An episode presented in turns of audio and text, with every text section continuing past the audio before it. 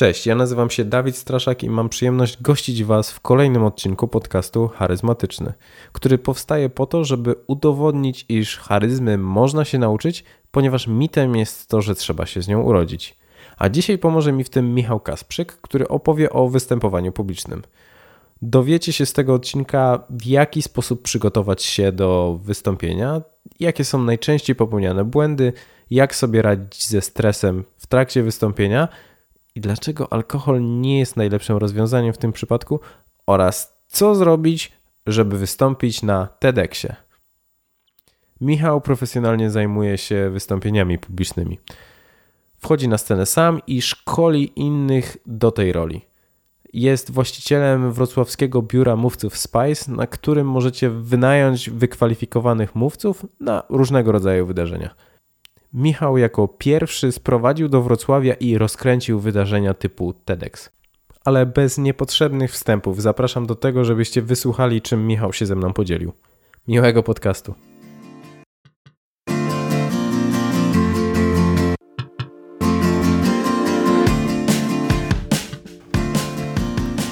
Cześć Michał, witam serdecznie w podcaście. Cześć Dawid, cześć. Zawodowo zajmujesz się wystąpieniami publicznymi. Zarówno ty występujesz, jak i przygotowujesz ludzi do tej roli. Zgadza I się.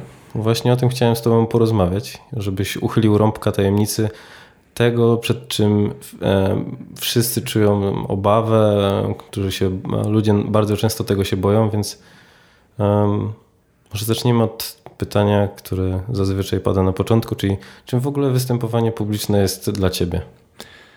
Występowanie publiczne jest właściwie wszystkim prawie że, dlatego że ja uważam, że umiejętności prezentacyjnych używamy w każdej sytuacji życia. No może jeżeli jesteś sam w pomieszczeniu, nie masz lustra, nie nagrywasz się, to może wtedy nie używasz umiejętności prezentacyjnych. Ale kiedy masz jakąkolwiek publiczność i możesz to być ty sam, to wtedy najprawdopodobniej tych umiejętności używasz, więc występujesz publicznie. Czyli w momencie, kiedy jestem na piwku ze znajomymi, to też występuję publicznie? Jak najbardziej. No właśnie, fajnie, że na to zwróciłeś uwagę, bo bardzo często spotykam się z tym, że ludzie kojarzą występowanie publiczne tylko i wyłącznie ze sceną, z mikrofonem, z prezentacją. A ty jakby mówisz, że wygląda to zupełnie inaczej. No ja też bardzo często się spotykam z takim podejściem, no ale no, myślę, że tych umiejętności używamy dużo szerzej. Mhm. No dobra, to w takim razie e, w, jaki sposób się tego uczyć? W jaki sposób uczyć się występowania publicznego? I czy jakoś kategoryzujesz to wszystko, skoro to jest takie szerokie pojęcie? Wiesz co, no, sposobów jest bardzo dużo i jest też e, dużo różnych umiejętności, które się składają na te umiejętności prezentacyjne, mhm. bo to nie jest tylko to, jak mówimy na scenie, jak się poruszamy na scenie, czy jakiego głosu używamy, tylko może się na to składać bardzo dużo rzeczy. No już sama charyzma też jest elementem, który jak najbardziej nam pomaga. E, no a tych umiejętności możemy się uczyć naprawdę w przeróżnych sytuacjach, bo to może być szkolenie, może, mogą być konsultacje bezpośrednio z trenerem, ale równie dobrze może być po prostu spotkanie w firmie, w trakcie którego będziemy występować i po prostu praktyka jest najlepsza. Mhm. A możesz uchylić rąbka tajemnicy, w jaki sposób ty przygotowujesz ludzi do wystąpień? Jaki, jakiego programu używasz?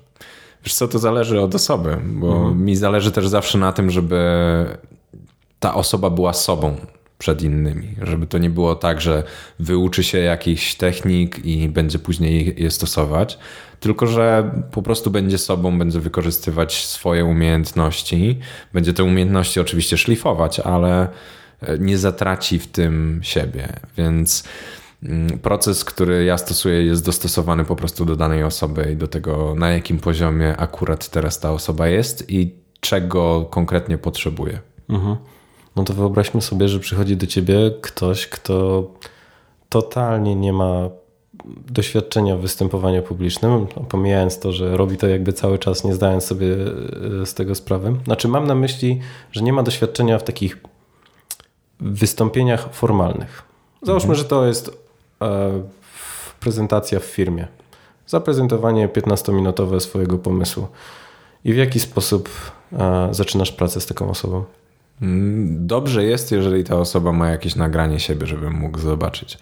Dlatego, że. W sensie siebie na wideo, jak występuje? Tak, to jest mhm. wtedy bardzo dobre, dlatego że teoretycznie mógł, moglibyśmy stworzyć e, sztuczną sytuację, w trakcie której ta osoba pokazuje mi, co potrafi, mhm. natomiast e, najczęściej to będzie wtedy niekomfortowe i sztuczne, więc ciężko jest wyciągnąć te prawdziwe umiejętności czy prawdziwy poziom danej osoby, więc e, wideo jest idealne. Natomiast jeżeli tego wideo nie ma, to po prostu rozmawiamy o tym, czego ta osoba potrzebuje, e, z czym czuje się komfortowo, z czym nie, z czym wie, że czuje się komfortowo, a z czym nie wie, bo to też często jest kwestia tego, że dana osoba nie wie, czego tak właściwie jej trzeba i jakie umiejętności powinna podszlifować. Mhm. Masz jakieś konkretne przykłady na myśli, że ludzie nie zdają sobie sprawy z tego, czego im brakuje?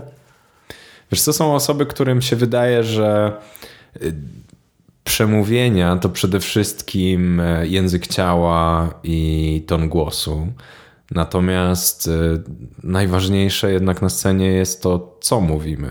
Mhm. Owszem, nie jest bez znaczenia też głos i e, język ciała. One są bardzo ważne. Natomiast jeżeli będziemy mówić bzdury, no to nawet przy genialnym języku ciała i genialnym tonie głosu, ludzie później wyjdą i stwierdzą, że no dobra, świetnie, świetnie opowiadał, ale właściwie o czym on mówił? Tak, czyli nie? klasyka. Jak było? Super, super. A o czym to było? No właśnie, no, to, jest, to jest dokładnie to. Dlatego treść jest najważniejsza, natomiast y, trzeba też się szkolić, jeśli chodzi o język ciała i ton głosu. No właśnie, ale samo przekazywanie treści to też nie jest prosta sprawa. Czyli jak mhm. to robić, żeby do ludzi to docierało. Żeby zostało na dłużej, a nie tak, że wychodzę z prezentacji, konferencji i myślę, ok, było super, fajny show, ale w momencie, kiedy ktoś mnie zapyta, czego się nauczyłem, to nie jestem w stanie tak naprawdę udzielić jednoznacznej odpowiedzi. Mhm. No, dokładnie, zdarza się tak, więc e, żeby temu zapobiec, że publiczność nie będzie wiedziała o co chodzi, trzeba przede wszystkim się dowiedzieć, kim ta publiczność jest mhm. i zadbać o to, żeby to, co mówimy, było do nich dostosowane. To jest bardzo ważne, o ile nie najważniejsze, dlatego że nie występujemy na scenie dla siebie, nie występujemy, żeby połechtać swoje ego, chociaż może niektórzy mają taki cel, no ale występujemy przede wszystkim po to, żeby przekazać coś ludziom, którzy nas słuchają. To dla nich to robimy, więc na nich trzeba się skupić i w związku z tym trzeba się dowiedzieć po prostu, kim oni są. Mhm.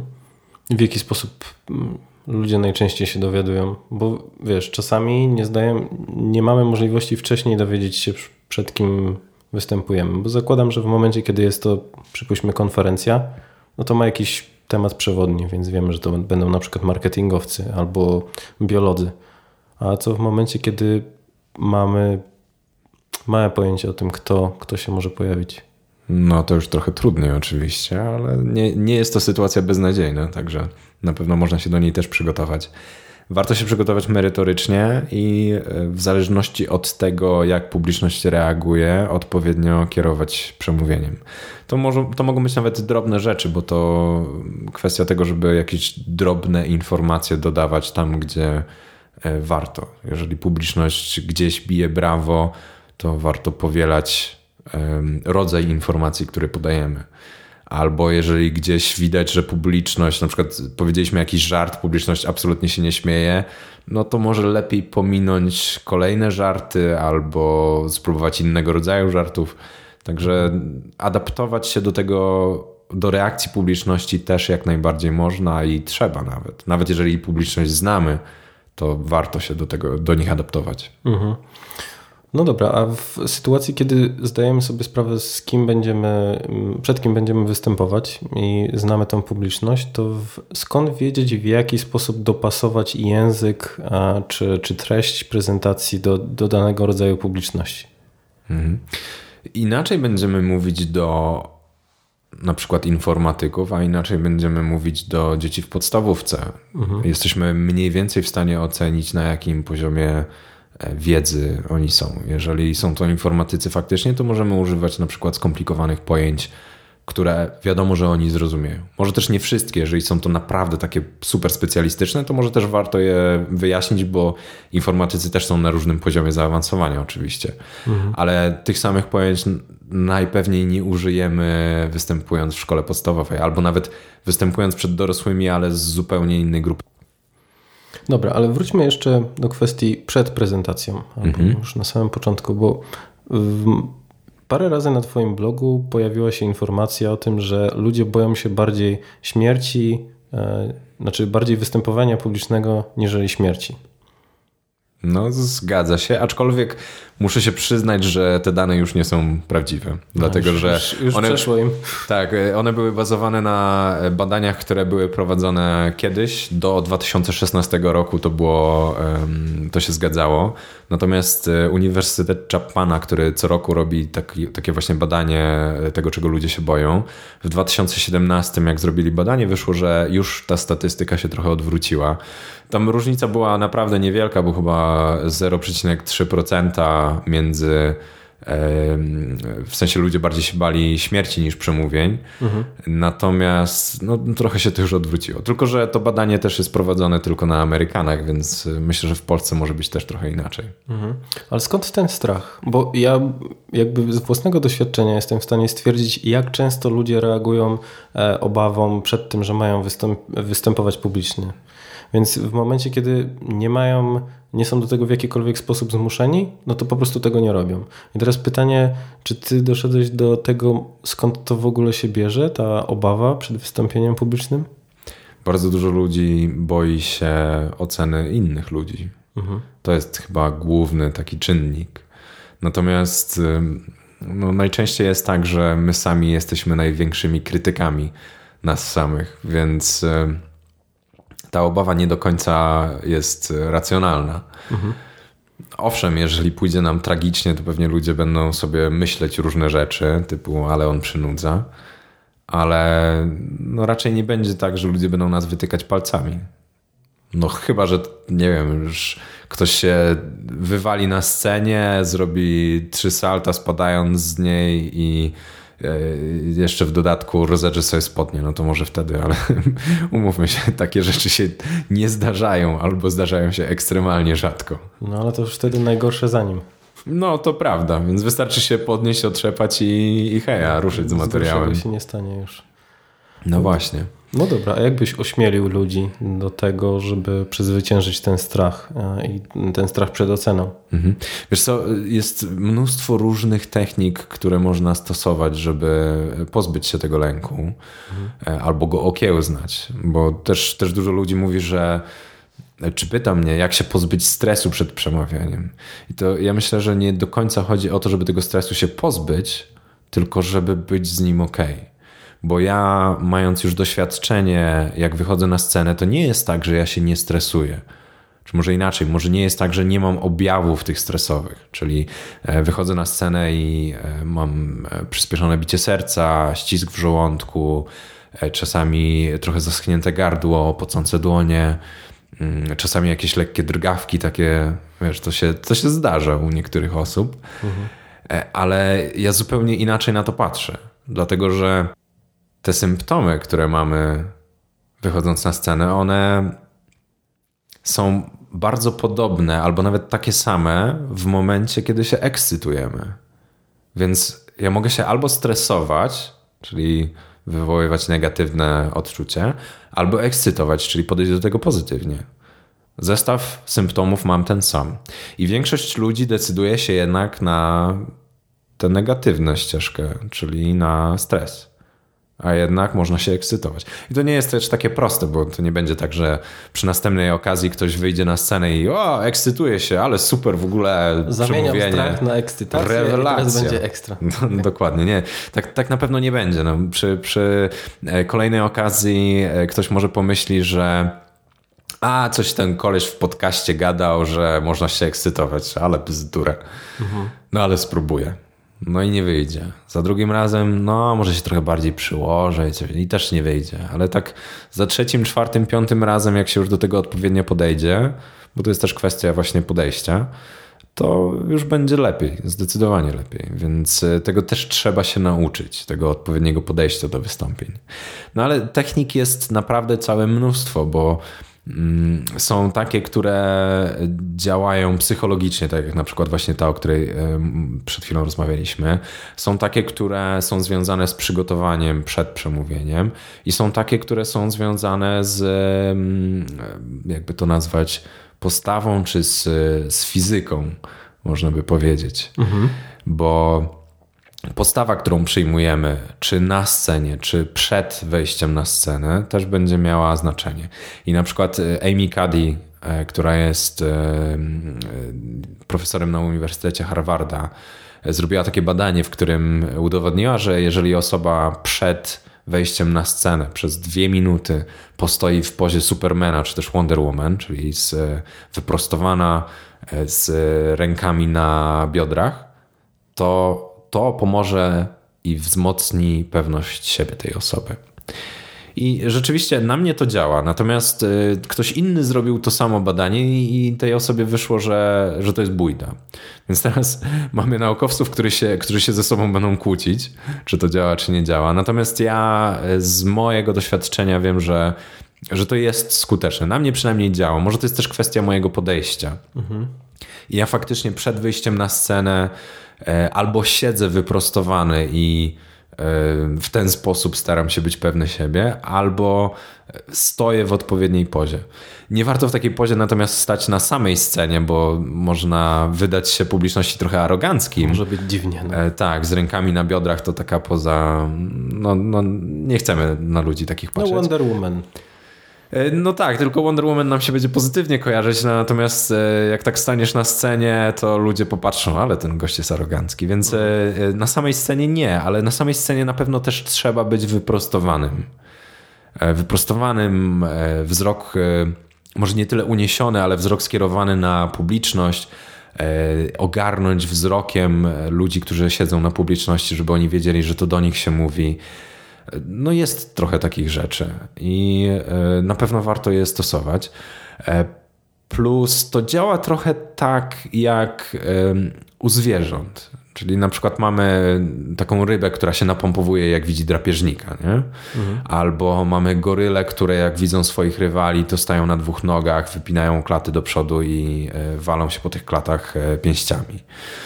To trochę ma na celu odstraszyć drapieżniki, jakkolwiek dziwnie to brzmi, ale z drugiej strony to właśnie dodaje pewności siebie, więc e, takie rzeczy związane z postawą na pewno pomagają.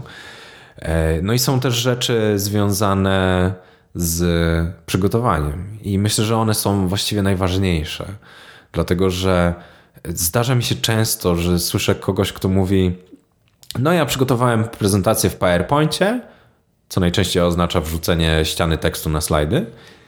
No i ja w sumie wiem, co mam mówić, więc e, wyjdę po prostu na scenę i będę opowiadał o tym, co mam na slajdach. Mhm.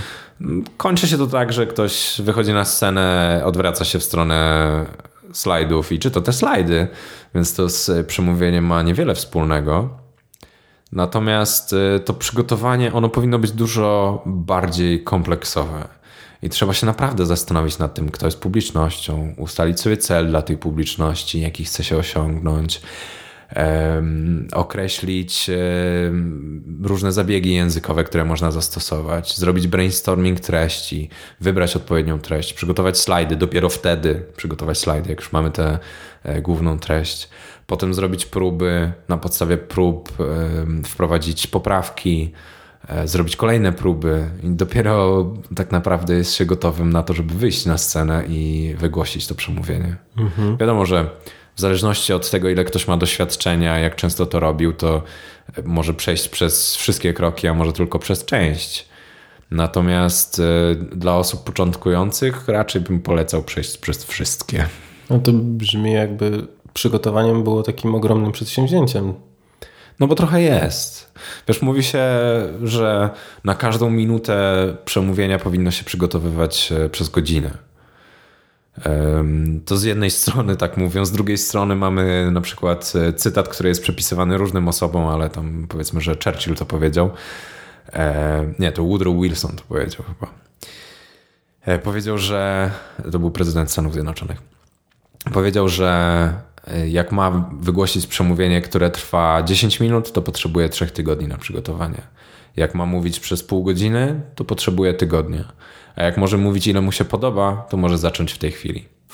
I coś w tym jest, że im krótsze jest wystąpienie, tym ciężej je przygotować, bo naprawdę bardzo ciężko jest dobrać odpowiedni materiał. Mhm. No ja się całkowicie zgadzam z tym, że przygotowanie do, do jakiegokolwiek wystąpienia to nie jest 5 e, minut, właśnie wrzucenie slajdów, tak jak ludzie to postrzegają, a mam wrażenie, że to bardzo często wynika jakby z dwóch kwestii. Pierwsza jest taka, że jesteśmy, obserwujemy na e, uczelniach wyższych, że prezentacje czy wykłady wyglądają dokładnie w taki sposób, jak opisałeś, czyli jest prezentacja, ściana tekstu i wykładowca czyta, no bo z drugiej strony my potem dostajemy te slajdy i bazując na nich zdajemy egzamin, więc to jest łatwiejsze dla nas. A z drugiej strony często ludzie mówią, że do wystąpień publicznych trzeba mieć talent. No więc skoro masz talent do tego, to nie musisz się przygotowywać. To nie jest prawda. Nie trzeba mieć talentu. Absolutnie tego można się nauczyć. Tak jak w większości umiejętności można się nauczyć. Tylko trzeba poświęcić czas mhm. i energię na to, żeby to zrobić. No właśnie. A co sądzisz o prezentacjach i wykorzystywaniu ich w, w, no, podczas wystąpień publicznych? Ja jestem fanem i sam e, zawsze wykorzystuję slajdy w swoich wystąpieniach. Mhm. Natomiast nie jest to niezbędne, absolutnie. A jakiego Mo programu używasz? Ja używam PowerPointa. I, I uważam, że ludzie raz, że nie potrafią używać PowerPointa, a dwa, że błędnie go oceniają, bo e, PowerPoint jest obwiniany za całe zło w przemówieniach, tak? czyli ta wcześniej wspomniana ściana tekstu na slajdach i czytanie tych slajdów. E, ludzie zrzucają winę na PowerPointa. No a to nie PowerPoint jest problemem, tylko to, że ludzie nie potrafią z niego korzystać, mhm. bo to jest naprawdę potężne narzędzie i można cuda w nim robić i ludzie są zachwyceni e, często slajdami zrobionymi w PowerPoincie właśnie. Chciałbym jeszcze wrócić do kwestii radzenia sobie ze stresem, bo to najczęściej ludzi interesuje, czyli jak to zrobić, żeby e, znaczy zniwelować te objawy, które wymieniłeś, czyli drżący głos, drżące ręce. E, drgawki tam się pojawiły w pewnym momencie nawet? Mówiłeś? No drżące ręce, no. E... No dobra, e... to jak sobie radzić z takimi oznakami? Bo w momencie, kiedy już jesteśmy świat... Ludzie najczęściej wiedzą, w jaki sposób się zachowują w tej sytuacji stresowej. Więc wiedzą, że załamuje im się głos, albo właśnie, że trzęsą się ręce. I teraz jak e, ty byś poradził, e, jak sobie dawać z tym radę właśnie? Na pewno najlepsza jest praktyka. Im więcej przemawiamy, tym później mhm. jest nam łatwiej. Natomiast tak jak mówiłem, tych technik jest e, sporo. To może po kolei. Jak e, jeżeli ktoś ma problem z głosem, w momencie kiedy załamuje mu się albo właśnie jak, nie wiem, czy można powiedzieć, że głos drży, ale słychać, że, że to jest spowodowane strachem. Czy masz coś, co albo komuś zas, e, zasycha całkowicie w ustach? Czy jakieś rady dla takich ludzi? Można przed wystąpieniem zrobić rozgrzewkę głosową mhm. i zrobić kilka ćwiczeń, które ten głos rozgrzewają. To, to jest Taką, tak samo jak. Robiliśmy? E, tak, jak robiliśmy na samym początku. E, to jest e, z, z głosem jest tak jak z mięśniami, kiedy idziemy na przykład biegać. Mhm. Nie poszedłbyś biegać maratonu, jeżeli byś najpierw nie zrobił rozgrzewki. Więc robisz rozgrzewkę. I z głosem tak samo można robić rozgrzewkę. Nawet powinno się robić rozgrzewkę, jeżeli wiesz, że będziesz mówił coś więcej, albo wiesz, że może być jakaś sytuacja, powiedzmy, nazwijmy to krytyczna, tak? bo zaschnie ci szybciej w gardle, bo się stresujesz na przykład. Więc taka rozgrzewka jest e, wartościowa wtedy. Mhm. A inna rzecz jest taka, że można po prostu mieć szklankę wody albo butelkę z wodą dostępną na scenie, co w ogóle jest bardzo fajną techniką, jak zapomnimy tekstu, która pomaga, bo E, jeżeli jest na scenie jakiś stolik na boku, na którym jest e, szklanka wody, to na tym samym, na tym samym stoliku może być też e, kartka z naszymi notatkami. na przykład z planem przemówienia. I w momencie, kiedy osoba na scenie ma totalne zaćmienie, nie wie co powiedzieć dalej, no to robi krótką przerwę teoretycznie na to, żeby, na to, żeby się napić, a w praktyce odkręca butelkę, bierze łyk, ale kątem oka zerka na kartkę, która leży na stole i zerka po prostu na swoje notatki.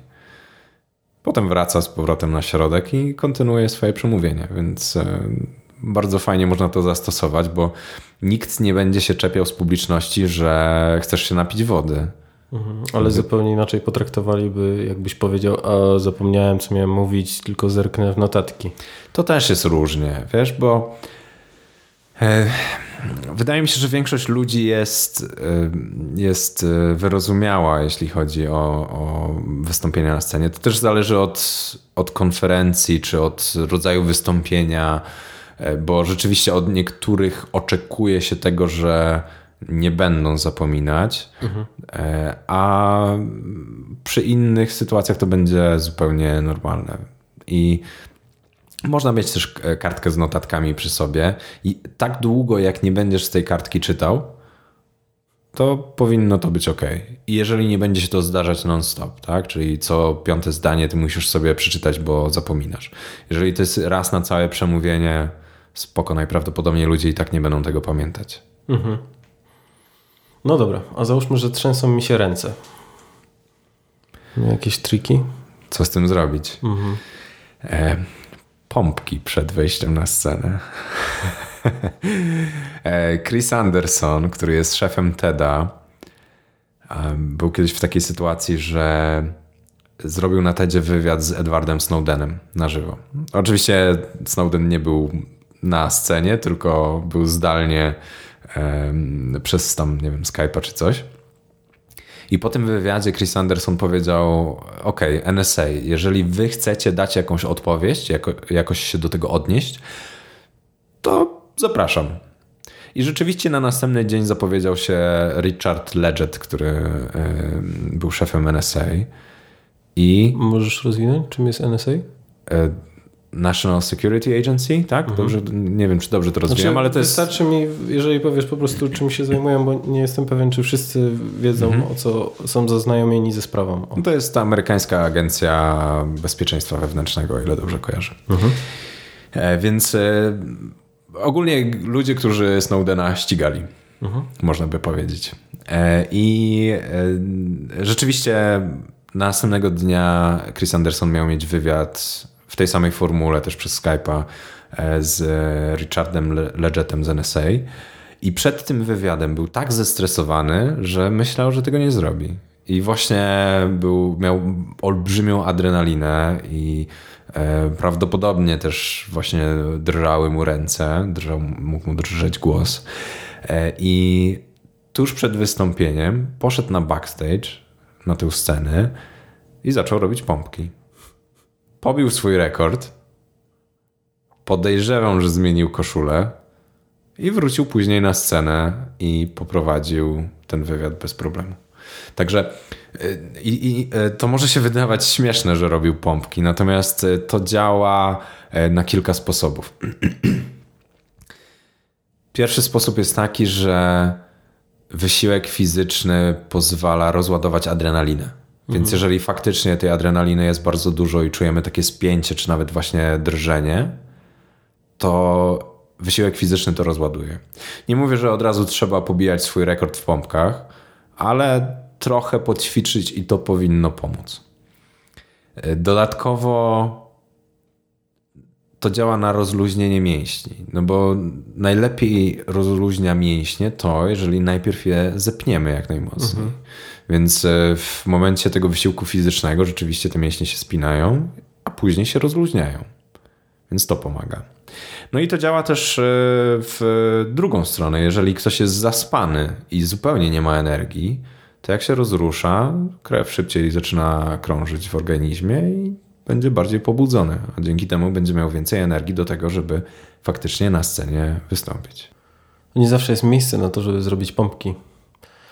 Bo jeszcze wracając do... pajacyki. No właśnie, nie? Czy, czy to można zastąpić jakimkolwiek e, ćwiczeniem fizycznym? Chodzi o wysiłek fizyczny ogólnie. Mhm.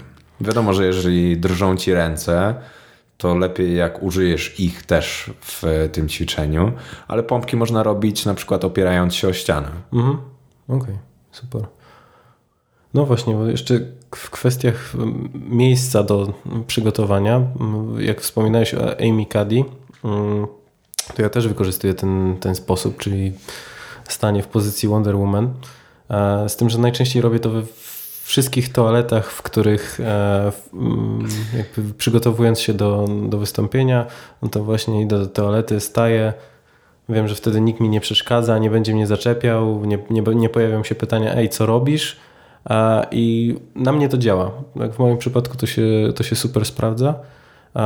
Ja też się wielokrotnie spotkałem z tym, że ktoś mi mówił, że siedzenie w, w pozycjach takich otwartych i właśnie z amerykańską czwórką pozwala im na to, że, że oni czują się śmielej w tym, żeby zabierać głos na jakichś spotkaniach. No tak, bo to chodzi o to, żeby zwiększyć swoją objętość. Tak mhm. jak mówiłem o tych zwierzętach. Nie? I e, faktycznie, jak siedzisz w otwartej pozycji, możesz na przykład założyć też e, rękę na siedzenie obok. E, najlepiej, jeżeli jest wolny. To zwiększasz po prostu swoją objętość. I no, rzeczywiście pomaga to zbudować swoją pewność siebie, wzmocnić ją. A co do toalet, no to rzeczywiście dobrze jest e, korzystać właśnie w taki sposób e, z tych ćwiczeń, żeby one, żeby stosować je na osobności. E, natomiast czasami też na konferencjach są dostępne tak zwane green roomy, czyli pomieszczenia dedykowane prelegentom tylko. I mhm. wtedy jesteś w takim pomieszczeniu tylko z innymi prelegentami i myślę, że oni albo nie zwrócą na to uwagi, bo wiedzą, co ty robisz, a jeżeli cię zapytają, to w sumie chyba warto się podzielić taką informacją, jeżeli to są to inni prelegenci, prelegenci to tak, tak, bardziej zapytają cię w kontekście tego, że wow, robisz coś, co ci chyba pomaga, więc e, też chciałbym wiedzieć, co to jest, bo może mi też pomoże, więc mm, zdecydowanie e, wtedy w takim pomieszczeniu można, można to robić. E, plus w takim pomieszczeniu można sobie robić próbę i powtarzać mhm. swoje przemówienie, bo to jest też bardzo mocna technika, jeśli chodzi o budowanie pewności siebie, żeby znać swój materiał. I to jest tak, że yy, warto przed przemówieniem wyeliminować jak najwięcej niewiadomych. I teraz co to znaczy? Bo niewiadomą jest na pewno treść Twojego przemówienia. Więc jeżeli Ty tylko stworzysz slajdy ze ścianą tekstu i stwierdzisz, a ja wiem co mówić, to to nie wyjdzie za dobrze, bo ty tak naprawdę nie wiesz, co mówić. Nie wiesz, nie wiesz jak sformułować swoje myśli, które, e, które masz. Mhm. Natomiast e, jak zbudujesz treść swojego przemówienia, możesz ją albo spisać słowo w słowo, albo po prostu zrobić kilka prób, to będzie ci łatwiej. Więc to jest jedna z niewiadomych. Drugą niewiadomą są slajdy. Jak je stworzysz, no to ograniczysz niewiadomą. I te są takie bardziej oczywiste, ale wśród tych mniej oczywistych niewiadomych to jest na przykład to, czy na scenie będzie szklanka wody. Bo nie ma nic gorszego, jak wychodzisz na scenę i nagle czujesz, że oj, chyba będzie źle. Mhm. Więc warto dowiedzieć się wcześniej, bo będziesz się mniej tym stresował. Albo rzeczy takie jak, y, czy Twoja prezentacja będzie puszczana ze sprzętu organizatora, czy masz mieć swojego laptopa? to też jest niewiadoma. Jak dowiesz się na ostatnią chwilę, że miałeś przynieść swój sprzęt, to będziesz się stresował. Albo jeżeli to jest z komputera organizatora, to jakiego używają oprogramowania? Czy to jest e, PowerPoint, czy to jest e, coś innego? Nawet system operacyjny ma znaczenie, dlatego że e, na przykład jeżeli w PowerPoincie na Windowsie załączymy czcionkę w dokumencie, w sensie w prezentacji, da się ją mhm. zagnieździć jakby, to na Macu to nie będzie działało. Niestety. I wtedy czcionki nam się wykrzaczą. Mhm. A to też będzie stresujące, bo Pisać nagle... PDF-ie i koniec. No. no. tak, tylko że PDF nie zawsze jest rozwiązaniem, bo czasami, tak jak ja na przykład, y, moje, moje prezentacje są mocno wizualne i y, stosuję animacje, E, oczywiście stosuję animacje w bardzo przemyślany sposób, ale jeżeli tych animacji nie będzie, to po prostu ta prezentacja będzie trochę uboższa. I ja wolę korzystać z PowerPointa. I w każdej sytuacji, w której mogę, korzystam z PowerPointa. Natomiast jeżeli się okazuje, że organizator używa jakiejś antycznej wersji e, oprogramowania, i to jeszcze na komputerze, który ledwo wyrabia z e, otwarciem programu, no to nie będę, nie będę się wtedy ścierał i oczywiście, że skorzystam z PDF-u. E, także sytuacje są różne i e, tych niewiadomych jest dużo więcej, bo ten green room jest też pewną niewiadomą. To, czy ktoś będzie się tobą opiekował na konferencji, jest niewiadomą. Publiczność jest niewiadomą. I im więcej z tych niewiadomych wyeliminujesz, tym będzie ci łatwiej już w trakcie samego przemówienia. Także warto poświęcić czas na to, żeby się tego wszystkiego dowiedzieć po prostu wcześniej. Mhm. Jeżeli to jest konferencja, to po prostu trzeba wypytać organizatorów o wszystko. Jeżeli to jest przemówienie, które sam organizujesz, bo na przykład występujesz w firmie i masz spotkanie projektowe, no to albo ty dużo, dużo już z tych rzeczy wiesz, albo łatwo możesz się dowiedzieć. Mhm. Także ta eliminacja niewiadomych może ułatwić bardzo życie. ułatwić życie i powstrzymać ten strach. Wiesz co, ja zawsze robię tak, że mm, dowiaduję się, a i tak ile się da biorę ze sobą, czyli w odniesieniu do szklanki wody zawsze mam ze sobą butelkę wody, bo przekonałem się wielokrotnie, e, że mimo tego, że byłem zapewniany o tym, że wszystko będzie, to nie pojawiały się niektóre rzeczy. Albo ja bardzo często właśnie ko korzystam z flipchartu, są markery, ale nie piszą. Mhm. I w takich sytuacjach nie ma nic gorszego niż ten stres, który ci się podnosi w sytuacji, kiedy masz 5 minut do wystąpienia, bo nawala taka, taka drobnostka jak właśnie marker, więc jakby nauczony doświadczeniem i też wszystkim radzę e, w odniesieniu do tego, co ty powiedziałeś, przygotować się jak najbardziej i wszystko, znaczy jak najwięcej też brać na siebie, żeby być przygotowanym do tego, że w, e, na awaryjne wyjście. Oczywiście, trzeba mieć zawsze plan B. Ja też ostatnio na konferencji byłem zapewniany, że będzie PowerPoint w najnowszej wersji, a okazało się, że jest chyba 2010 mhm. E, i to jeszcze kompletnie nie był w stanie udźwignąć mojej prezentacji, więc e, no oczywiście skorzystałem z PDF-a. No, trudno. Ważniejsze jest to, żeby prezentacja e, bezproblemowo działała, a PDF jest po prostu najbezpieczniejszą opcją, e, niż to, żeby absolutnie na pewno była moja prezentacja, bo inaczej nie wystąpię. No, też nie przesadzam bez, w, w, taki sposób. Nie? Także e, plan B jest bardzo ważny i to też na przykład dla użytkowników Apple'a warto mieć wszystkie przełączki, te tak zwane dongle ze sobą, żeby mhm. E, jak trzeba się podłączyć gdzieś, no to e, żeby mieć tę przejściówkę. Albo jeżeli nie ma się w laptopie VGA, ja na przykład jestem użytkownikiem Windowsa, ale nie mam w laptopie VG, złącza VGA i tylko mam HDMI, więc e, też muszę mieć przełączkę, bo czasami się zdarza, że projektory, z których korzystają firmy, mają tylko VGA. No, także na to wszystko warto się przygotować. No i to jest pewien e, problem, pewien wysiłek, który trzeba włożyć. To są dodatkowe e, minuty czy nawet godziny przygotowań, ale to później procentuje, bo e, im lepsze jest wystąpienie, tym publiczność jest bardziej zadowolona. A jak publiczność jest zadowolona, no to no wiadomo, w zależności od tego, co chcemy osiągnąć. Jeżeli chcemy wystąpić na kolejnych eventach, no to będziemy zapraszani na kolejne eventy. A jak coś pójdzie źle, to publiczność najpewniej będzie może nie tyle winić nas, ale no my będziemy twarzą tego, co się stało.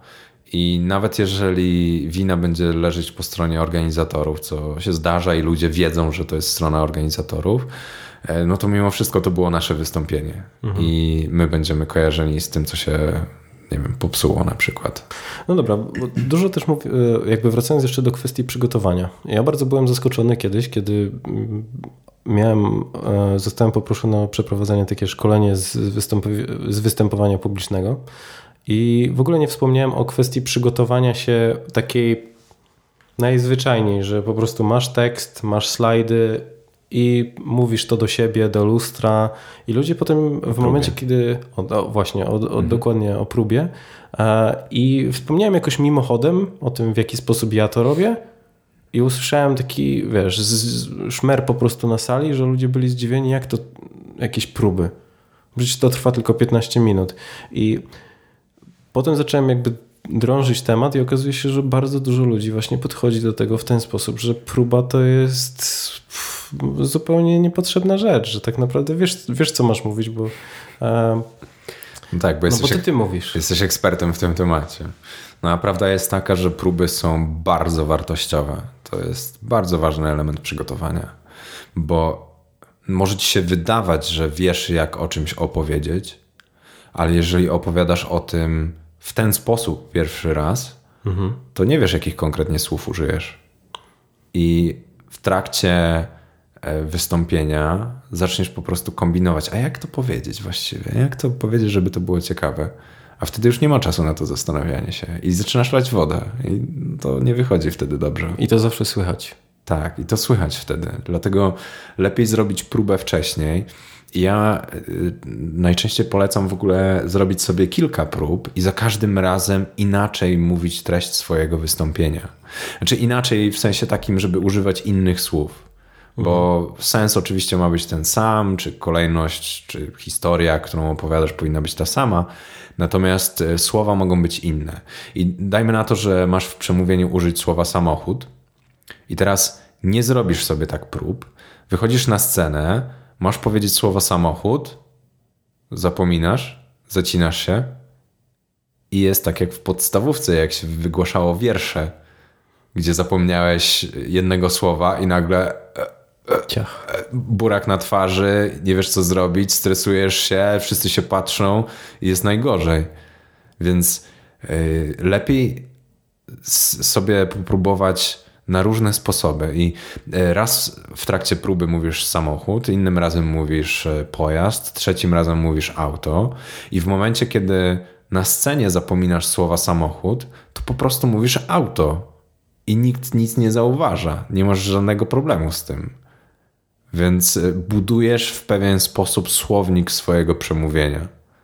I to warto robić, żeby nie dać się zaskoczyć sytuacją, w których wylatują ci z głowy pojedyncze słowa. A to się zdarza, szczególnie jeżeli się stresujesz, to faktycznie pojedyncze słowo, nieważne jak proste, może ci wylecieć z głowy. Mhm. Dlatego też nie warto uczyć się przemówienia na pamięć. Lepiej się uczyć, lepiej wiedzieć, co chce się powiedzieć, znać kolejność tych elementów, ale konkretnych słów na pamięć nie warto się uczyć. Warto za każdym razem po prostu inaczej to powtarzać.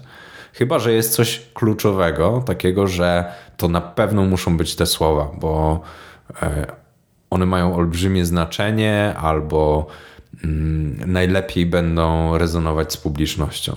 Ja zazwyczaj uczę się na pamięć, tylko że u mnie to działa w drugą stronę, bo w momencie, kiedy ja nauczę się na pamięć, to buduje to moją pewność siebie, że ja jestem dobrze przygotowany.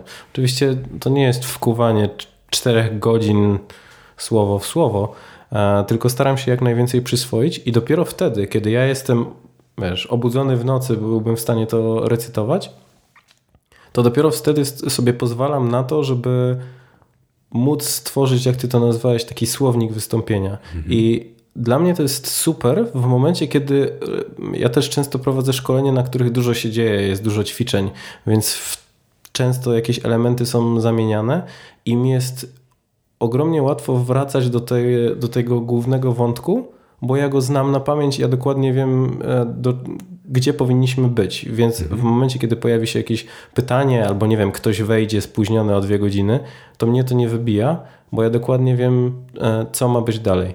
I to jest fajne, że dopiero wtedy sobie jestem w stanie pozwalać na taki rodzaj improwizacji, to o czym ty mówiłeś, czyli sprawdzanie, które dowcipy łapią, które nie.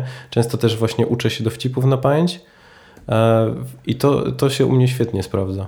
Mhm.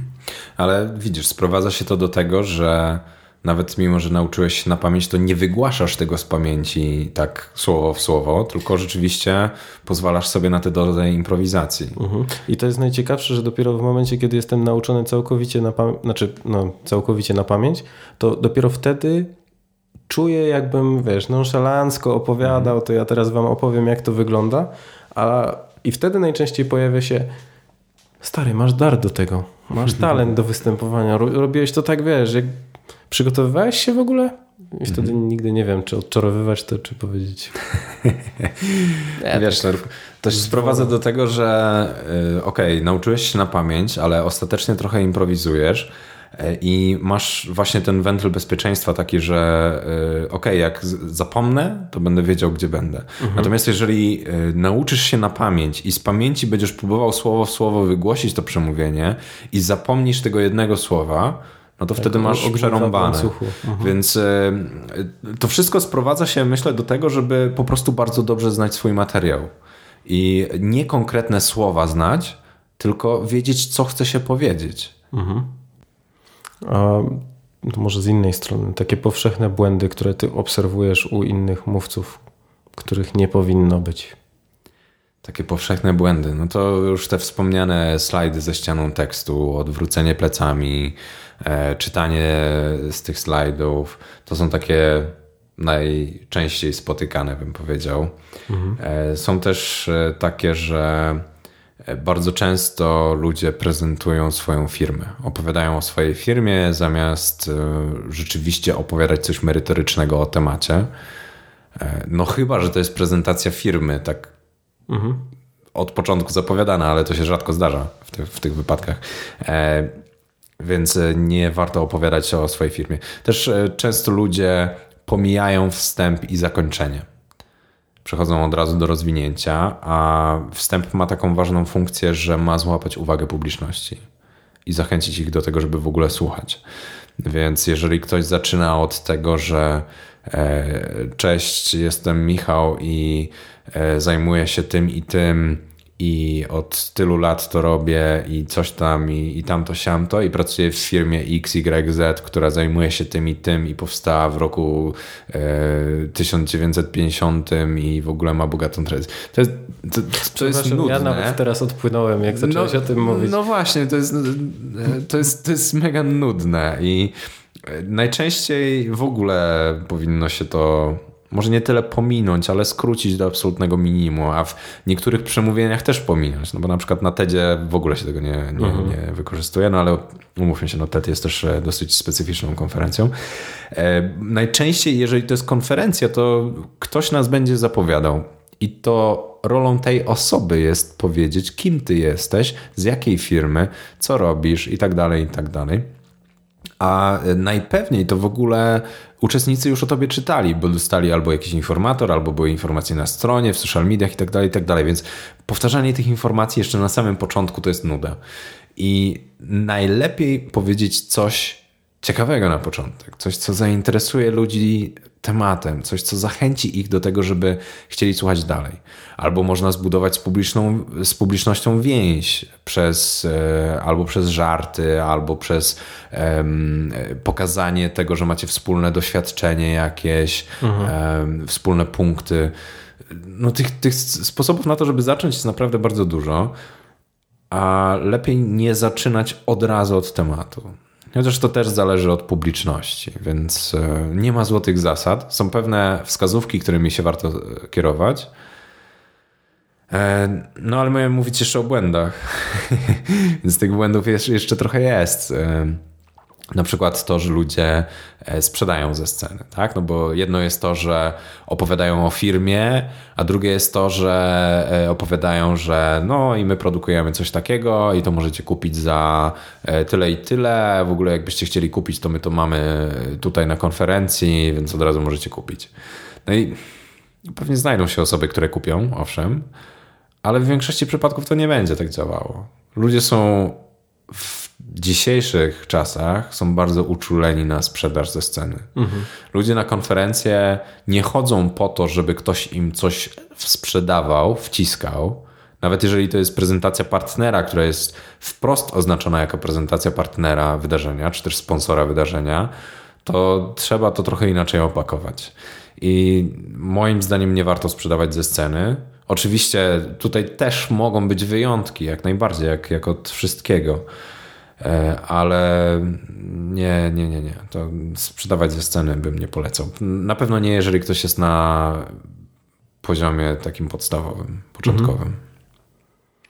Dobra, coś jeszcze przychodzi Ci do głowy? Mamy nie, przedsta- znaczy nie zaczynać o sobie w taki rozległy mhm. sposób, nie mówić o firmie, nie sprzedawać ze sceny i nie robić slajdów ze ścianą mhm. tekstów, które są odczytywane. Zdarza się też niedopasowanie prezentacji czy przemówienia do publiczności. Mhm. To też jest nagminne dosyć. I tu chodzi o przede wszystkim o merytorykę, że publiczność już albo to wie, albo to zupełnie nie tyczy się tej branży, w której e, publiczność jest. Jesteśmy przed prezentacją i czy są jakieś rzeczy, których nie należy spożywać, w sensie pić albo jeść przed prezentacją? Czy o, wiadomo, mhm. oczywiście odnoszę się też do alkoholu, bo jak stres, to też ludzie mówią walnąć kielichę i, A to nie jest i z głowy. Sposób. No i właśnie, co polecasz e, jeść, pić przed prezentacjami, przed wystąpieniami, a czego absolutnie unikać? Okay. No to tak jak mówiłeś, alkohol nie jest dobry. Alkohol nie jest dobry dlatego, że wysusza struny głosowe. To raz. A dwa, jak się przesadzi z nim, to można mieć efekt odwrócony do e, zamierzonego i trochę za bardzo się rozluźnić na scenie, mhm. E, czego raczej nikt nie chce. No ale oprócz tej oczywistości w postaci alkoholu, no to nie warto pić też czegokolwiek, co ma cukier, e, czegokolwiek, co ma bąbelki, czegokolwiek, co jest zimne, czegokolwiek, co jest gorące. Więc e, to wszystko sprowadza się do wodę, tego, że najlepiej. najlepiej pić wodę w temperaturze pokojowej i to jeszcze wodę, która jest niegazowana. To jest najlepiej. No wiadomo, że w praktyce jest różnie, bo jeżeli faktycznie ktoś przysypia, no to dobrze, żeby tę kawę wypił. Tylko też wiadomo, że kawy nie wypijesz tuż przed wystąpieniem, bo ona i tak, i tak ci od razu nic nie da, więc tę kawę mhm. pijesz tam, nie wiem, godzinę, dwie wcześniej. Ale tuż przed samym wystąpieniem e, lepiej ograniczyć się tylko do wody. I właściwie, no właściwie to dzień przed też powinno się nie spożywać tych wszystkich rzeczy. E, czy nie pić tych wszystkich rzeczy. Jeśli chodzi o jedzenie, no to dieta lekko strawna, bo głupio będzie, jak na scenie zacznie, zacznie cię brzuch boleć. Albo e, burczeć. Albo burczeć, tak. A więc trzeba być też najedzonym, nie przejedzonym, ale, ale najedzonym, żeby, żeby uniknąć burczenia w brzuchu. Jeśli chodzi o jedzenie jeszcze, to nie warto jeść nabiału, dlatego że nabiał zawiera kazeinę i to jest takie białko, które skleja struny głosowe. Właściwie nie skleja, tak, ale ośluzowuje nadmiernie struny głosowe i one mhm. wtedy też, też e, nie, nie są idealne wtedy do, do, do użycia. O, dobra, a to jeszcze o, o czym chciałem porozmawiać, to trudna publiczność, czyli tacy, którzy wiedzą lepiej albo nie słuchają, są totalnie niezaangażowani czy zdarzyło ci się takich mieć, jak sobie wtedy radziłeś? Mhm. Znaczy, z, z trudną publicznością to jest e, różnie. Wiadomo, że czasami jest tak, że cała publiczność jest trudna, to wtedy jest przerąbane, ale najczęściej jest tak, że e, to nam się wydaje, że ta publiczność jest trudna, bo widzimy jakąś jedną osobę, która czyta e, coś w telefonie, jedną osobę, która ziewa, e, jeszcze inną, która wychodzi, a i, i, I zaraz się zaczynamy zastanawiać, że Jezu, ale moje wystąpienie musi być nudne, już siedzą w telefonach, ziewają, wychodzą, no przerąbane. Ale nie myślimy o tym, że to zupełnie inna sytuacja może być, bo mhm. ten gość, który czyta coś w telefonie, może czeka na bardzo ważnego maila. E, osoba, która ziewa, może ma małe dziecko w domu i północy nie przespała. A ktoś, kto wychodzi, może już totalnie nie może wytrzymać i musi iść do toalety. Więc to mogą być zupełnie inne sytuacje. A poza tym trzeba zwrócić uwagę na wszystkich pozostałych. Jeżeli to są trzy osoby ze stu, to znaczy, że 97 osób nas słucha i to na nich trzeba się skupić, a nie na tych pojedynczych, które właściwie nie wiadomo, czy, czy, czy słuchają, czy nie. Mhm. Tak? Bo może być też, e, słyszałem o takich e, sytuacjach, w których e, mój znajomy miał tak, że wygłaszał przemówienie i widział w jednym z pierwszych rzędów siedziała osoba, która wyglądała totalnie tak, jakby miała zaraz go zabić, albo wiesz, no, jakby nie słuchała, jakby, jakby ją to nudziło i tak nie. A po wystąpieniu okazało się, że ta osoba do niego podeszła i powiedziała: Słuchaj, to było rewelacyjne, dziękuję ci, że, że to wygłosiłeś, tego potrzebowałem. Mhm. Tak? Tylko akurat miała zły dzień na przykład. Nie? Albo czasami się zdarzają osoby, które no, słuchają gdzieś tam jednym uchem, drugim im to wypada, ale to jest kwestia tego, że na przykład już o tym wiedzą. I to też jest jedna osoba na sto. Nie? Więc w większości przypadków ta trudna publiczność to jest jednak publiczność, e, na którą my źle patrzymy. No trudne źle, jednostki ewentualnie. Tak, źle w sensie my patrzymy na te jednostki, które nie słuchają.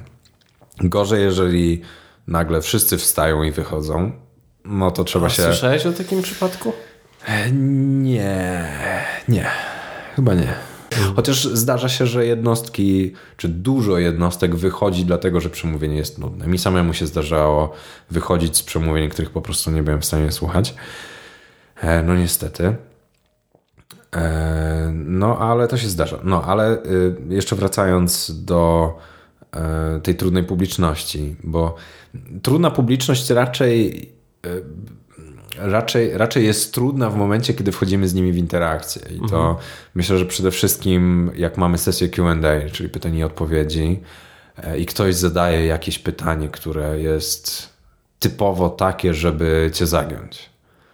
No to, no to wtedy jakoś sobie trzeba z tym poradzić, oczywiście. I albo jeżeli się zna odpowiedź, to jest idealnie, jeżeli to jest, ale jeżeli to jest takie pytanie, gdzie e, i nie znasz odpowiedzi, i wiesz, że to jest pytanie na zagięcie, to no wiadomo, że są różne techniki, których można użyć.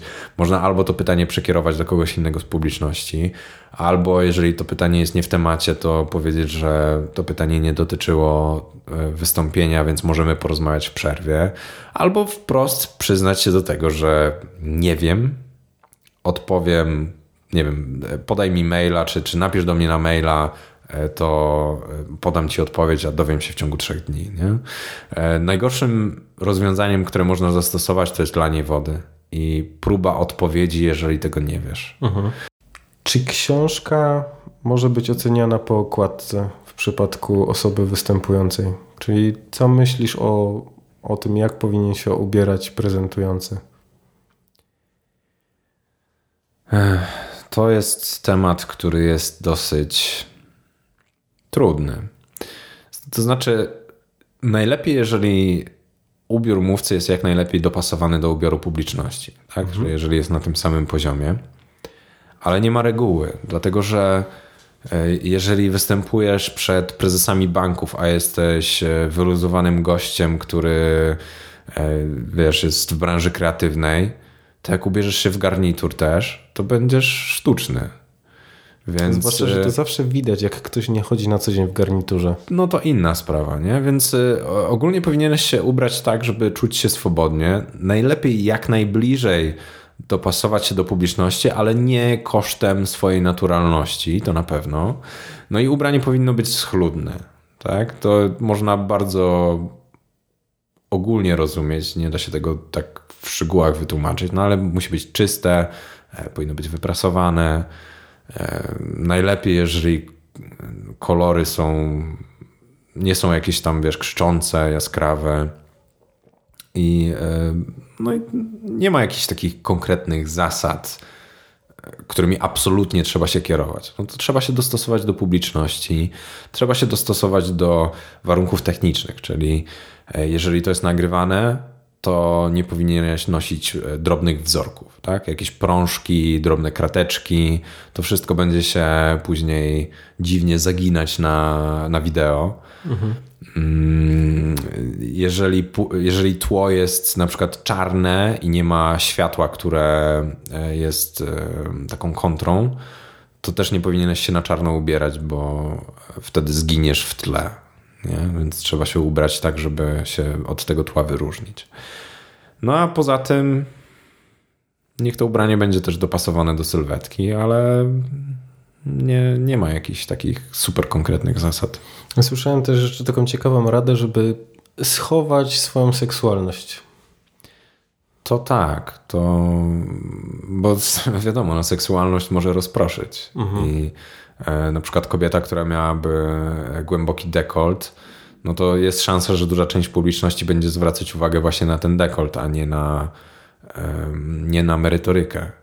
I tutaj mówię nie tylko o facetach, ale kobiety mogą być na przykład oburzone tym, że ta osoba mhm. się tak ubrała, więc nie warto. Tak? E, sukienka czy spódnica nie powinna być za krótka. Facet e, nie powinien mieć rozpiętych e, zbyt wiele guzików w koszuli. Czterech guzików górnych. Tak, na przykład, nie? E, więc no zdecydowanie, no to, to, to faktycznie to chowanie swojej seksualności jest taką wskazówką. Ale też będzie różnie w zależności od tego, jaki to jest event i jaka to jest publiczność. Mhm.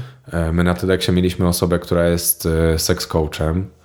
Była ubrana dosyć wyzywająco, ale tu z racji swojego zawodu. Mhm. I to było spójne po prostu. Wiesz co, ja pamiętam, że kiedyś e, nawet nie byłem na, na, na, warsztatach, tylko przechodziłem w takiej, to było w hali stulecia, gdzie warsztaty były jakby w tych bocznych salach mhm. i można było sobie zobaczyć jak, jak to wszystko wygląda, tak przechodząc, e, przechodząc obok. I pamiętam właśnie kobietę, która była niby biznesowo ubrana, ale strasznie wyzywająco w takich ostrych, e, ostrych kolorach, które zwracały mocną uwagę z, z dekoltem, e, z krótką, opinającą spódniczką. Nigdy nie wiem, czy spódniczka, czy sukienka? Spódniczka. Chyba spódniczka to ta, co jest tylko na, na dobra, spód, a dobra, sukienka ta, co ma też nie, górę. to spódniczka. w sensie łączoną.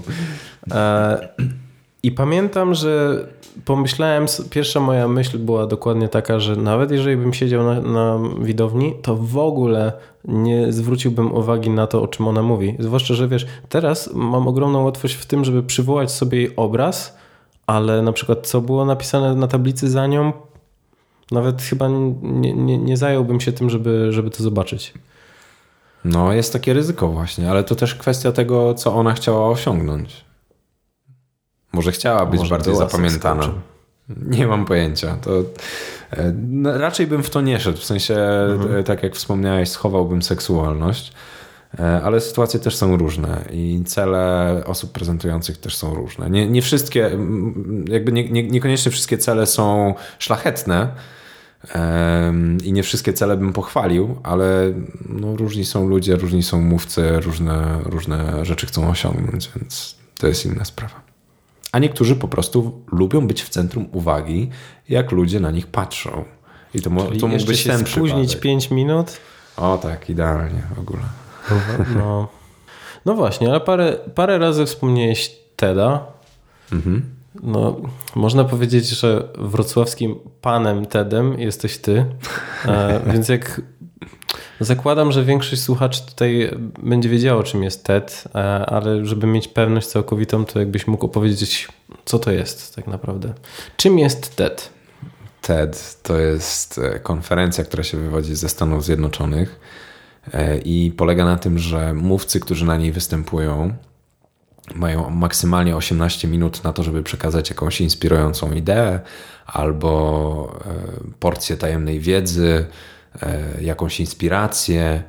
E, w ogóle hasłem przewodnim TEDa jest e, Ideas Worth Spreading, czyli pomysły warte rozpowszechniania. I to rzeczywiście o te pomysły chodzi, tak? bo na TEDa nie zaprasza się osób, nie zaprasza się konkretnych mówców, tylko zaprasza się osoby, które mają świetne pomysły. Więc można by powiedzieć, że I zaprasza się, się pomysłów. mówców. Mhm. Słucham? I dopiero wtedy robi się z nich mówców. Tak, i dopiero wtedy robi się z nich mówców. Znaczy, zdarza się też, że niektórzy z nich już naturalnie, znaczy nie naturalnie, ale już, już po prostu są wyćwiczeni, już są e, świetnymi mówcami. E, natomiast rzeczywiście TED też pomaga się przygotować swoim prelegentom. E, I faktycznie, żeby jakby udowodnić, że to się zaprasza pomysły, to oprócz osób, które faktycznie są nazwiskami e, światowego kalibru, jak Bill Gates, Stephen Hawking. E, zapraszane są też osoby, które są kompletnie nieznane. Richard Turere, który, mhm. którego TED znalazł dzięki castingom organizowanym na całym świecie. I to jest chłopiec, który wynalazł system odstraszania lwów od gospodarstwa. I no i on o tym opowiadał, jak, jak e, to wymyślił na TEDzie faktycznie.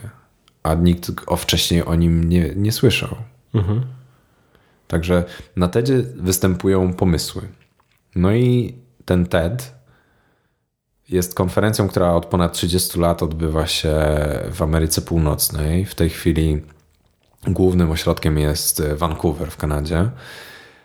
Natomiast TED stworzył mnóstwo inicjatyw pobocznych. Jedną z takich inicjatyw jest program TEDx.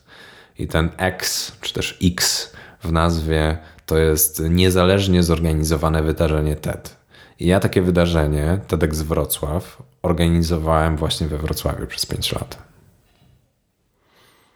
Znaczy, poza tym, że zastanawiam się, jak ten 14-latek odgania lwy cały czas. Jest dostępne wideo w internecie, no, możesz obejrzeć. Tak, pewnie będzie w notatkach pod podcastem e, link do, link do tego TEDa. To jak to wszystko się zaczęło? Jak, jak związałeś się z, z TEDxem?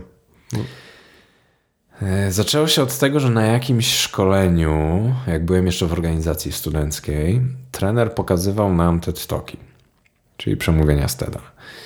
I ja potem sam zacząłem oglądać te przemówienia w domu. Chłonąłem ich naprawdę bardzo dużo. I któregoś dnia stwierdziłem, a to zobaczę na ich stronie, co oni jeszcze robią oprócz tych przemówień. Mhm. I odkryłem właśnie program TEDx.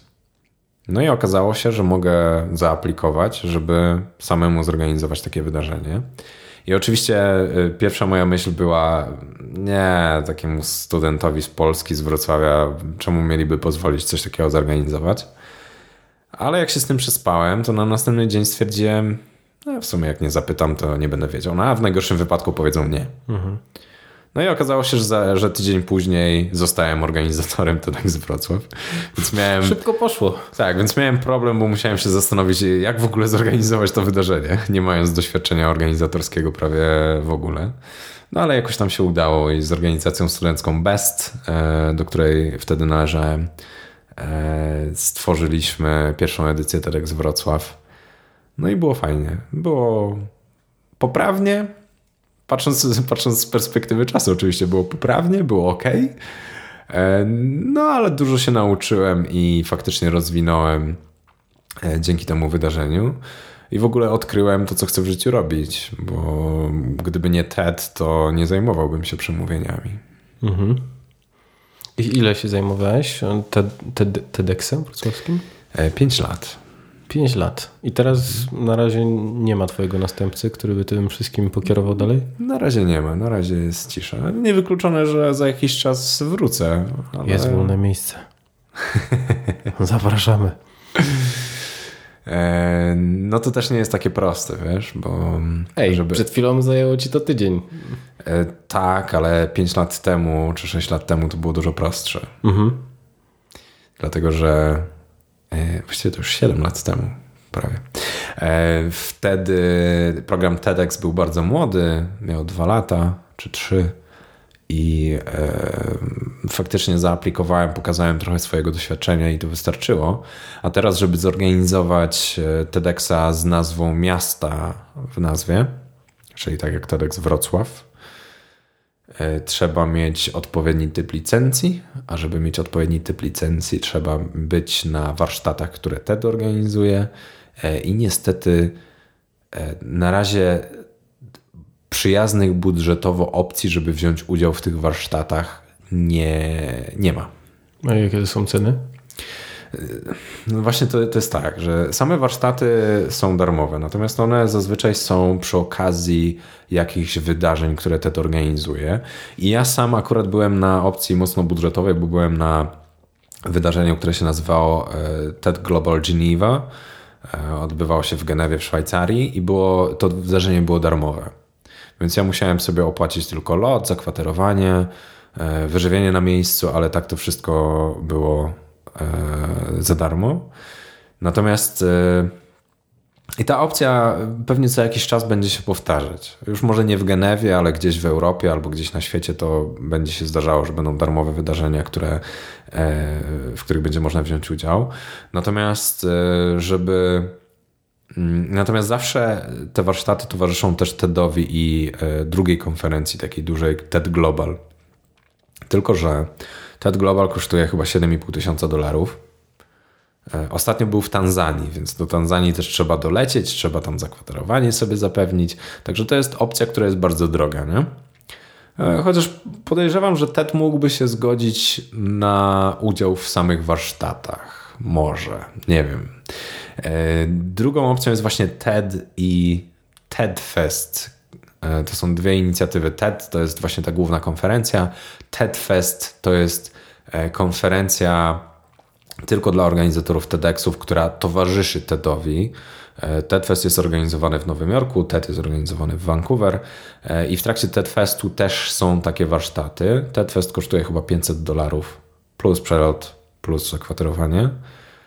A TED, na którym te warsztaty chyba też się odbywają, TED kosztuje o ile dobrze pamiętam, 10 tysięcy dolarów. Więc ceny są mało przyjazne dla kogoś, kto by się chciał zaangażować w działania non-profitowe. E, więc ja akurat miałem farta, że dołączyłem do programu na tyle wcześnie, że skorzystałem z tych opcji, które były e, no, przyjazne dla kieszeni. Tak? I jakie TEDx zapadły Ci w pamięć albo te, które najwięcej Cię nauczyły? Na pewno nasza ostatnia edycja, z Wrocław The Musical. Mhm. Break the Silence. No, liczyłem właśnie, Mieliśmy... że o tym usłyszę. Słucham? Liczyłem, że o tym opowiesz. tak, zorganizowaliśmy TEDxa w Teatrze Muzycznym Kapitol we współpracy z Teatrem Muzycznym Kapitol, więc tutaj duży ukłon do Konrada Imieli, który jest e, dyrektorem teatru. E, I zrobiliśmy TEDxa w formie musicalu. W sensie takim, że przemówienia były normalnie przemówieniami, ale wszystkie zapowiedzi mówców były śpiewane i grane przez artystów Kapitolu. No i atmosfera była niesamowita, bo to też e, odbyło się właśnie w teatrze e, i. Ale wspomniałeś też, że byłeś odpowiedzialny za dobór prelegentów. Tak. Czyli byłeś rekruterem. No, można by tak W jaki powiedzieć. sposób ludzie trafiają do TEDxów? Większość jest przez nas zapraszanych. Mhm. Są to osoby, które my albo znajdujemy gdzieś w mediach, albo są to osoby na, z na tyle silnymi markami, że po prostu się o nich słyszy, albo są to ludzie, których my gdzieś poznaliśmy, tak? My w sensie organizatorzy. Zdarzają się też osoby, które się do nas zgłaszają same, ale bardzo rzadko mi się zdarzało przyjmować kogoś, kto się sam zgłosił. Mhm. Um, no tak, no to takie, takie są sposoby. Czyli to najczęściej TEDx przychodzi do ciebie, a nie ty do TEDxa. Tak. W momencie, kiedy chcesz być prelegentem. Tak, bo niestety większość osób, które się zgłaszają, wcale nie chce wystąpić, żeby wygłosić e, ideę wartą rozpowszechnienia, tylko chcą się promować. Mhm, chcą I... mieć fajny wpis w CV. Tak, tak, tak. Dlatego ja większość takich osób odrzucam. E, być może popełniłem jakieś błędy i kogoś źle oceniłem, e, natomiast e, rozmawiam z tymi ludźmi i, i, i słyszę po prostu, czego oni oczekują, czy, dlaczego chcą wziąć udział w evencie. Czasami się też zdarza, że ludzie chcą wziąć udział, chcą wygłosić jakieś przemówienie, ale ich idea jest mało TEDxowa. Mhm. Tak? E, nie akceptowałem, wiesz, 50 wystąpienia o tym, jak się jeździ autostopem po Azji, no bo ludzie już o tym słyszeli. Mhm. Że to też nie jest tak, że nie dawałem komuś szansy, bo zawsze e, zawsze jak ktoś do, się do mnie zgłaszał z takim tematem, to pytałem, no dobra, ale to czego się nauczyłeś, co publiczność może z tego wynieść, nie? I ktoś mówi, a, że można spełniać swoje marzenia. I okej, okay, no fajnie, no super, że e, ludzie takie rzeczy robią, że spełniają swoje marzenia, ale to jest trochę przeżarty temat, tak? E, ludzie wiedzą, że mają spełniać swoje marzenia. Nie trzeba im o tym. Znaczy, jest pewnie dużo ludzi, którym trzeba o tym mówić, bo dlatego rynek mówców motywacyjnych tak kwitnie. E, natomiast to nie jest temat, który jest na TEDxa, bo to nie jest idea warta rozpowszechniania. To jest z perspektywy TEDxa to jest oczywistość. I dużo też takich przemówień już po prostu na TEDxie było. Możemy wziąć od choćby e, przemówienie Jacka Walkiewicza z e, TEDx WSB, które przecież ma chyba 2,5 miliona wyświetleń, które jest bardzo dobrym przemówieniem, ale z perspektywy TEDxa no to jest bardziej przemówienie motywacyjne. I e, TED wprost mówi organizatorom TEDxów, żeby takich mówców już po prostu nie zapraszać bo tego jest za dużo w internecie. Wystarczy wpisać przemówienie motywacyjne w YouTubie mhm. albo w Google i na pewno takie znajdziesz, więc niepotrzebne są kolejne. Lepiej posłuchać na przykład o e, perowskitach, czyli o ogniwach fotowoltaicznych, które są super cienkie, super tanie w produkcji i mogą zrewolucjonizować świat. Tak? Mamy Olgę Malinkiewicz, która pracuje nad takimi tutaj we Wrocławiu. Lepiej posłuchać na przykład e, Sex Coacha, który opowiada o relacjach między ludźmi. Mhm. Więc tych pomysł, te pomysły warte rozpowszechniania, no wiadomo, że to jest trochę subiektywne, co konkretnie się wybierze, ale no ja starałem się zawsze wybierać e, takie rzeczy, które będą naprawdę wyjątkowe. Mhm. To domyślam się, że grupa, jaką jest TEDowa czy TEDxowa publiczność, też jest dosyć specyficzna. No tak, to są ludzie, którzy są otwarci na świat, którzy są rządni nowej wiedzy. Sporo z nich, owszem, też szuka motywacji, więc jakby takie przemówienie motywacyjne wcale nie byłoby źle odebrane pewnie na TEDxie, e, przynajmniej w Polsce. E, no ale to ja, ja wychodzę z założenia, że lepiej motywować ludzi, pokazując im różne świetne pomysły, e, niż faktycznie mówiąc im, hej, motywuj się. Nie? Mhm. Zwłaszcza, że mam wrażenie, że tacy ludzie najczęściej już są na wyżynach swojej motywacji. Oni są zmotywowani, tylko oni szukają, jak zrobić to jeszcze lepiej, jeszcze więcej, no, jeszcze prawda. bardziej. To prawda, to prawda. Ludzie, którzy są ambitni, ciekawi, którzy szukają nowych kontaktów, e, szukają nowych projektów, w które mogliby się zaangażować, więc tak, to jest, to jest ta grupa. Ja bardzo często się z tym spotykam, a domyślam się, że ty miałeś to przez długi czas na co dzień, czyli chcę wystąpić na TEDxie. Co mam zrobić? E, robić ciekawe rzeczy. Mhm. I może ktoś się do ciebie zgłosić. Nie. No. E, e, znaczy, no to, e, to jest jeden czekać, ze... cierpliwie czekać. E, to, to jest jak najbardziej jeden ze sposobów, żeby robić ciekawe rzeczy i czekać, aż ktoś się do ciebie zgłosi. Mhm. Na pewno złym podejściem jest, jeżeli będziesz miał na to takie parcie, że będziesz się zgłaszał do każdego TEDxa i wiesz, proponował swój pomysł bo to może ci po prostu nie wyjść. Mhm. Mm, może wyjść, jasne, ale może nie wyjść. Macie czarną listę e, ludzi, którzy ciągle się zgłaszają? E, nie, nie. No może są jakieś tam pojedyncze nazwiska, które, e, które się zgłaszały, ale, ale to nie jest tak, że ja stworzyłem jakąś listę zaraz. To są po prostu ludzie, których ja odrzuciłem w procesie i, i nie akceptuję ich, dopóki nie przyjdą do mnie z sensownym pomysłem. Tak? Mhm. No ale żeby dostać się jeszcze na e, TEDxa, no warto, warto być obecnym, e, jakby to powiedzieć, no, czy to w mediach, czy, czy w social mediach, czy żeby ludzie po prostu o tobie słyszeli. Mhm. Bo idealną rekomendacją jest, jeżeli przychodzi do mnie mój znajomy i mówi mi, słuchaj, mam dla ciebie mówcę na TEDxa, ta i ta osoba może opowiedzieć o takich i takich rzeczach. To, to, to, jest, to jest chyba najlepsze rozwiązanie. E, więc e, warto też tak, może to nie będzie do końca dobre, ale warto podesłać swoich znajomych zamiast siebie. Mhm. Mm, ale jeżeli już chcesz się zgłosić sam, to na pewno bardzo musisz przemyśleć swój temat.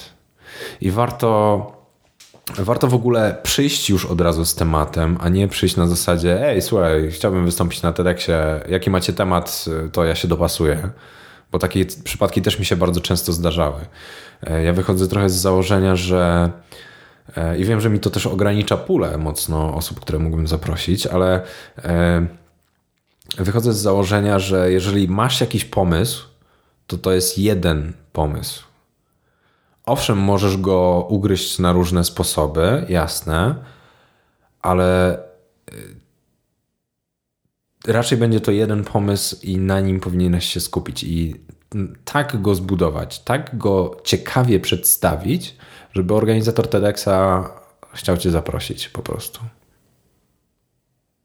Po prostu. Albo to nie jest takie proste oczywiście ale nie jest też trudne z drugiej strony. Jeżeli robisz to, co lubisz i to jest coś, co jest wyjątkowe, jeżeli jakoś się wyróżniasz, to prawdopodobnie masz szansę. Mhm. Bo to też nie jest, w sumie nie jest tak, że trzeba mówić zawsze o czymś zupełnie nowym. Czasami nowe spojrzenie na coś starego, też zadziała. Też będzie można o tym opowiedzieć. Albo jeżeli potrafisz zebrać bardzo ciekawe historie, które możesz opowiedzieć, które dadzą wartość publiczności, tak? Nie są do końca twoje, ale ty potrafisz je tak zebrać i takie wnioski wyciągnąć, że będzie to wartościowe. Popatrz na przykład na Malcolma Gladwella. To jest gość, który on nie opowiada o swoich historiach. On opowiada o historiach, które zbiera i wyciąga z nich bardzo fajne wnioski. I dzięki temu też występował na TEDxie oczywiście. To, I to niejednokrotnie.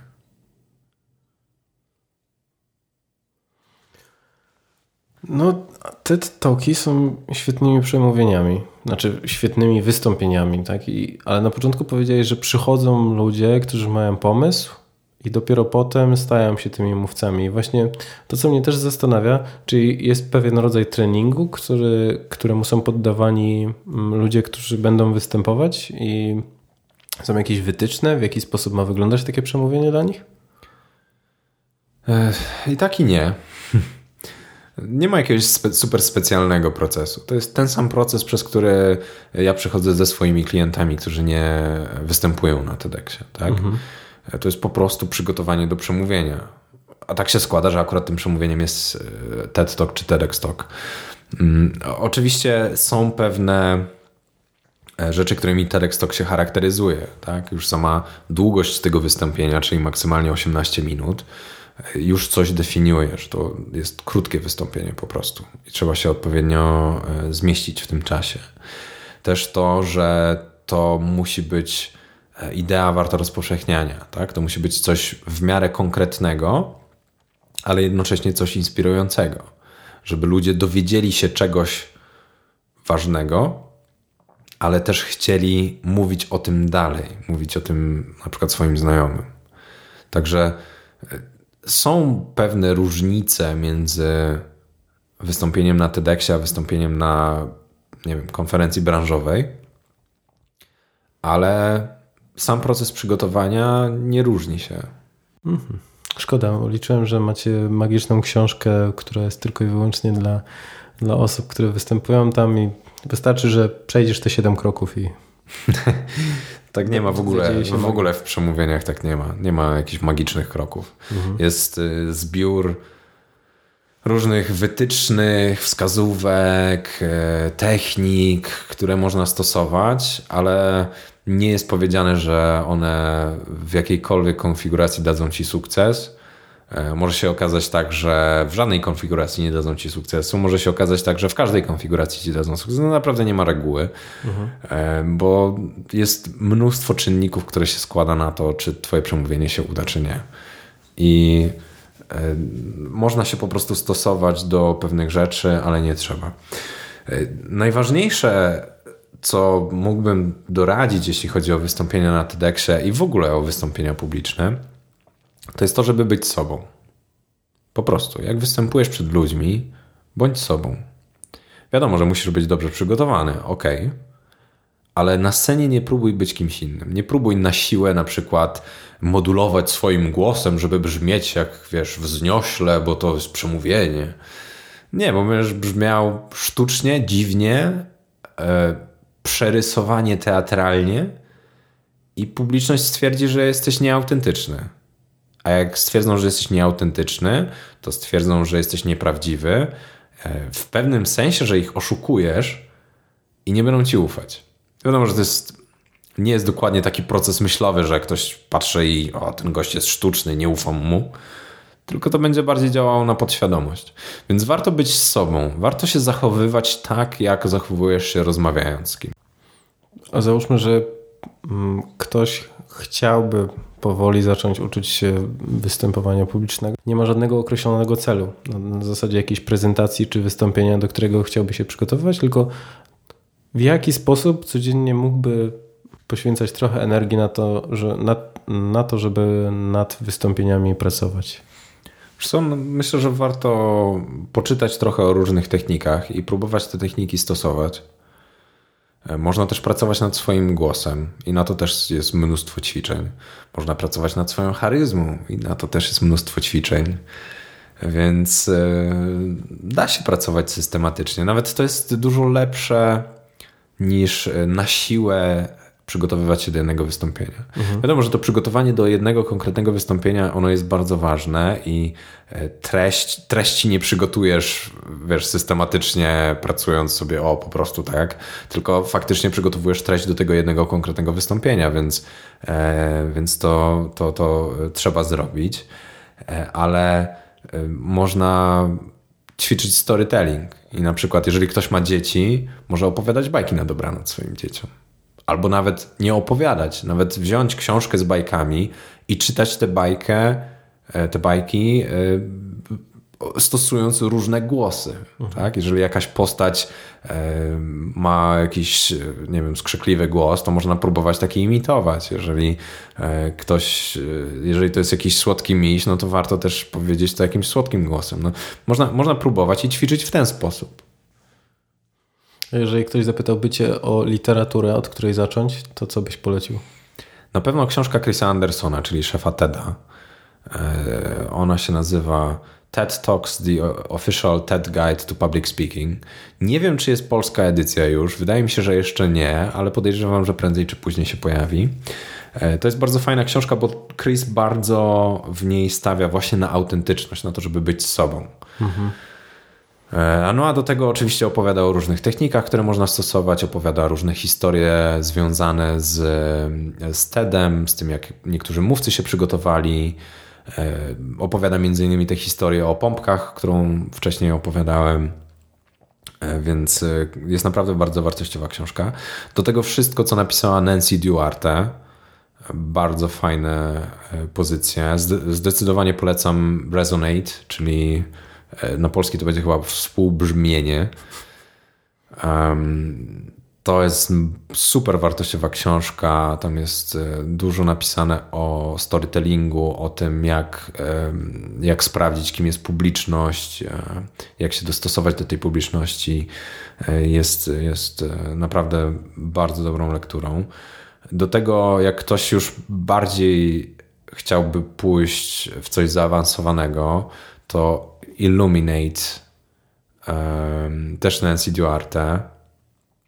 E, I to jest książka bardziej dla liderów. Jak przemawiać, jak się jest liderem. Jest bardzo dobra, ale nie polecam jej osobie, która jest na poziomie podstawowym. To raczej, raczej jest na, na zaawansowany. E, do tego książki Gara Reynoldsa, książki Nika Morgana. Można też czytać mojego bloga, bo mam bloga, mhm. prowadzę i, i e, też dzielę się tam e, wskazówkami odnośnie tego, jak występować publicznie. Dobra, jakby co to spokojnie wszystkie tytuły i linki będą podane w notatkach. Mm, ale wspominałeś też o charyzmie. Mhm, tak. Czym jest charyzma dla ciebie? to nie jest takie proste, żeby to nazwać, czym jest. Mhm. Um, Dlatego dodaję ten, wiesz, człon dla ciebie. Tak, tak. Dla mnie charyzma jest bardzo trudna do określenia, do takiego zdefiniowania. Bo charyzma jest czymś, co powoduje, że e, jeżeli masz charyzmę, to, to ja cię lubię, tak? Albo chce mi się ciebie bardziej słuchać niż, niż kogoś innego. To jest takie poczucie, że, e, że przy tobie jest bezpieczniej, że ty mówisz ciekawiej, że ty jesteś w stanie zachęcić mnie do działania. To jest to, że masz pewne umiejętności, które, e, które to wszystko po prostu sprawiają. Mhm. Myślisz, że tego można się nauczyć? Oczywiście, że można się nauczyć. Wiadomo. Są różne ćwiczenia, różne techniki, które można stosować, które, no, których można się po prostu nauczyć. Nie trzeba się z tym rodzić. Mhm. No to, to super. To bardzo się cieszę, że, że masz podobne podejście do mnie. E, dobra, to wszystko z mojej strony, więc ja dziękuję serdecznie, że, że wpadłeś, że poświęciłeś czas. Też bardzo dziękuję i też życzę powodzenia z wszystkimi wystąpieniami publicznymi i z budowaniem swojej charyzmy i umiejętności prezentacyjnych. E, zanim się pożegnamy, to zapraszam Was jeszcze serdecznie do tego, żebyście podzielili się wszelkimi opiniami na temat podcastu, czy to drogą mailową, czy w komentarzu. Napiszcie, co Wam się podoba, co warto byłoby zmienić, kogo chcielibyście jeszcze posłuchać i jakie tematy warto by było jeszcze poruszyć.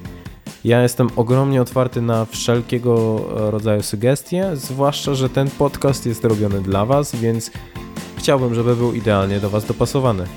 No więc dzięki wielkie za poświęcony czas i nie zapomnijcie o tym, żeby śledzić mnie na Facebooku i Instagramie. No i do usłyszenia w następnym odcinku. Cześć!